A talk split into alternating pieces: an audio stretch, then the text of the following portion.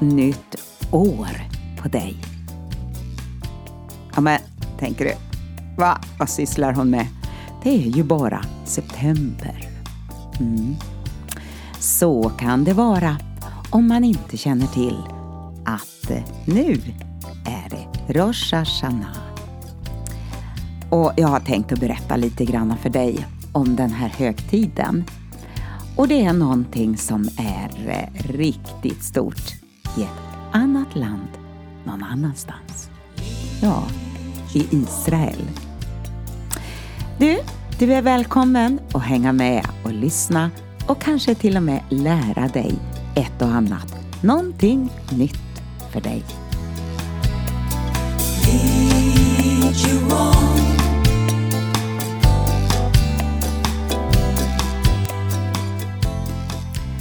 Rosh Hashanah, gott nytt år.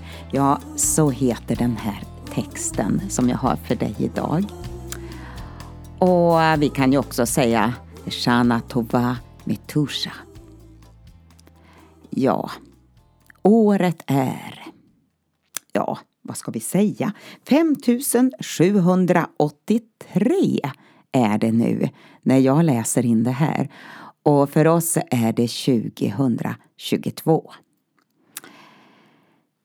För ett antal år sedan och nu måste jag då tänka tillbaka, jo det är faktiskt 22 år sedan. Då hade vi just flyttat till Israel när man firade Rosh Hashanah, det judiska nyåret. Eftersom deras kalender bygger på solår och måncykel så eh, låg högtiden lite tidigare på hösten det året. Och jag minns att vår familj var på Jerusalem mål. Och eh, där handlade vi. Och jag kunde inte förstå att man bjöd på äpplen och honung lite varstans i shoppingcentret den här dagen. Och mer skulle det bli. Man har ett talesätt bland israelerna på hösten att eh, ja, vi väntar till helgerna är över. För om några dagar kommer Jom Kippur och därefter Sukkot. Det kändes som om skolan för barnen aldrig riktigt började på hösten förrän alla dessa högtider var över. Och våra två yngsta barn, de gick i israelisk skola. Även om vi inte direkt firar de här högtiderna har de ett stort värde för oss alla att känna till och uppmärksamma.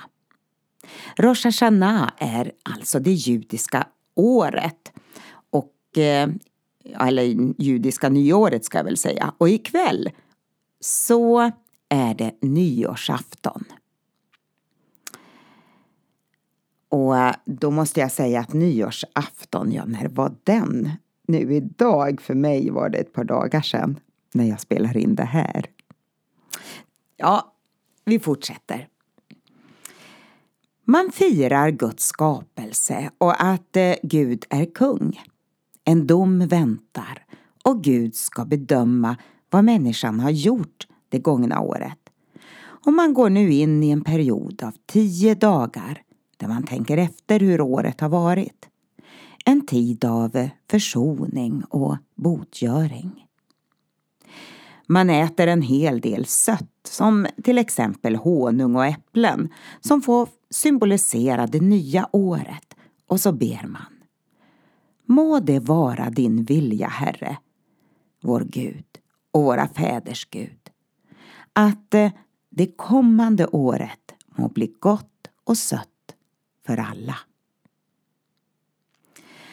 Under dagarna framöver så finns det ett par saltarsalmer, psalm 27 och psalm 47, som man läser.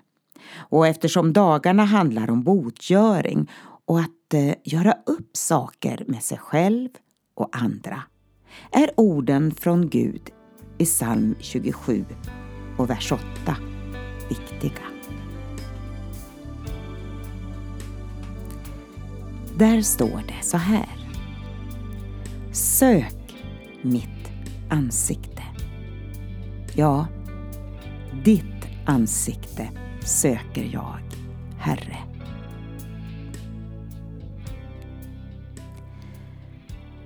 Och eh, grundtryggheten till att vara, våga göra upp saker i våra liv är att vi inte flyr bort från Gud. För i Guds närvaro kan vi ta emot förlåtelse och ge förlåtelse till andra. Livet, ja, det är fullt av orättvisor, missförstånd, förtal och förakt. För att inte tala om rädsla, misslyckanden, skuld, avundsjuka, ilska, falska anklagelser och lögn. Ja, du vet. Allt det där som vill äta upp oss inifrån. Ja, det väver sitt nät runt om oss. Och är vi inte uppmärksamma har vi snart svårt att bryta oss loss. Lögner, intriger, förakt och en stor brist på självinsikt börjar skapa en falsk bild av det som skulle vara Guds underbara skapelse.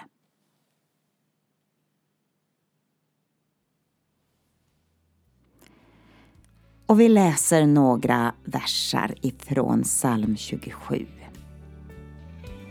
Och sen tar vi några ifrån psalm 47.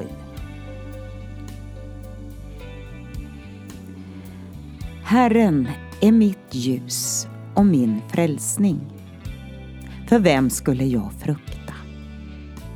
Herren är mitt försvar. För vem skulle jag vara rädd? När de onda kommer emot mig och vill uppsluka mig, mina motståndare och fiender. Då ska de själva stappla och falla. Om en här belägrar sig mot mig fruktar ej mitt hjärta. Om krig bryter ut mot mig är jag trygg. Och varför kan man säga på det här sättet? Jo, då läser vi psalm 47. Herren är en stor konung över hela jorden. Gud har farit upp under jubel, Herren under basuners ljud. Lovsjung Gud, ty Gud är konung över hela jorden.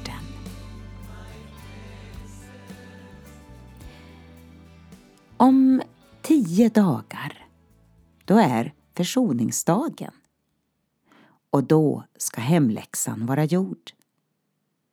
Eller så kan vi säga Play now and pay later. Eller Pay now and play later. Du vet, allt har ett pris.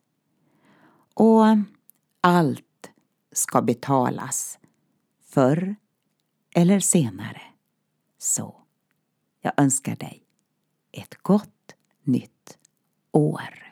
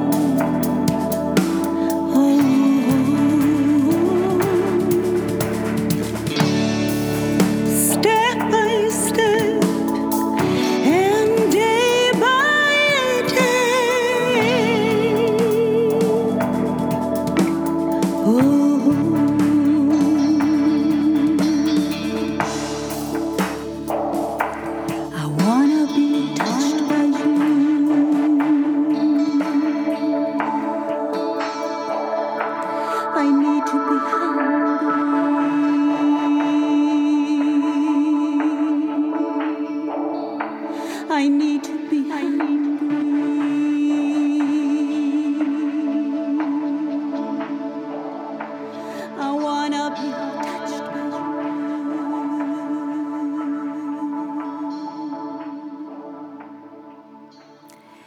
Ja, det här var en sång som heter I need to be hungry. Att vara hungrig, att längta efter Gud. Och då är det det här som är det absolut viktigaste. Att göra upp saker och ting i våra egna liv och med våra medmänniskor runt omkring. Då, när vi gör det, när vi då närmar oss Gud, närmar han sig oss. Och vi får ett underbart, härligt, gott nytt år framför oss. Gud välsigne dig, ha en fin dag och vi ses kanske, men vi kommer att höras i varje fall. Hej då!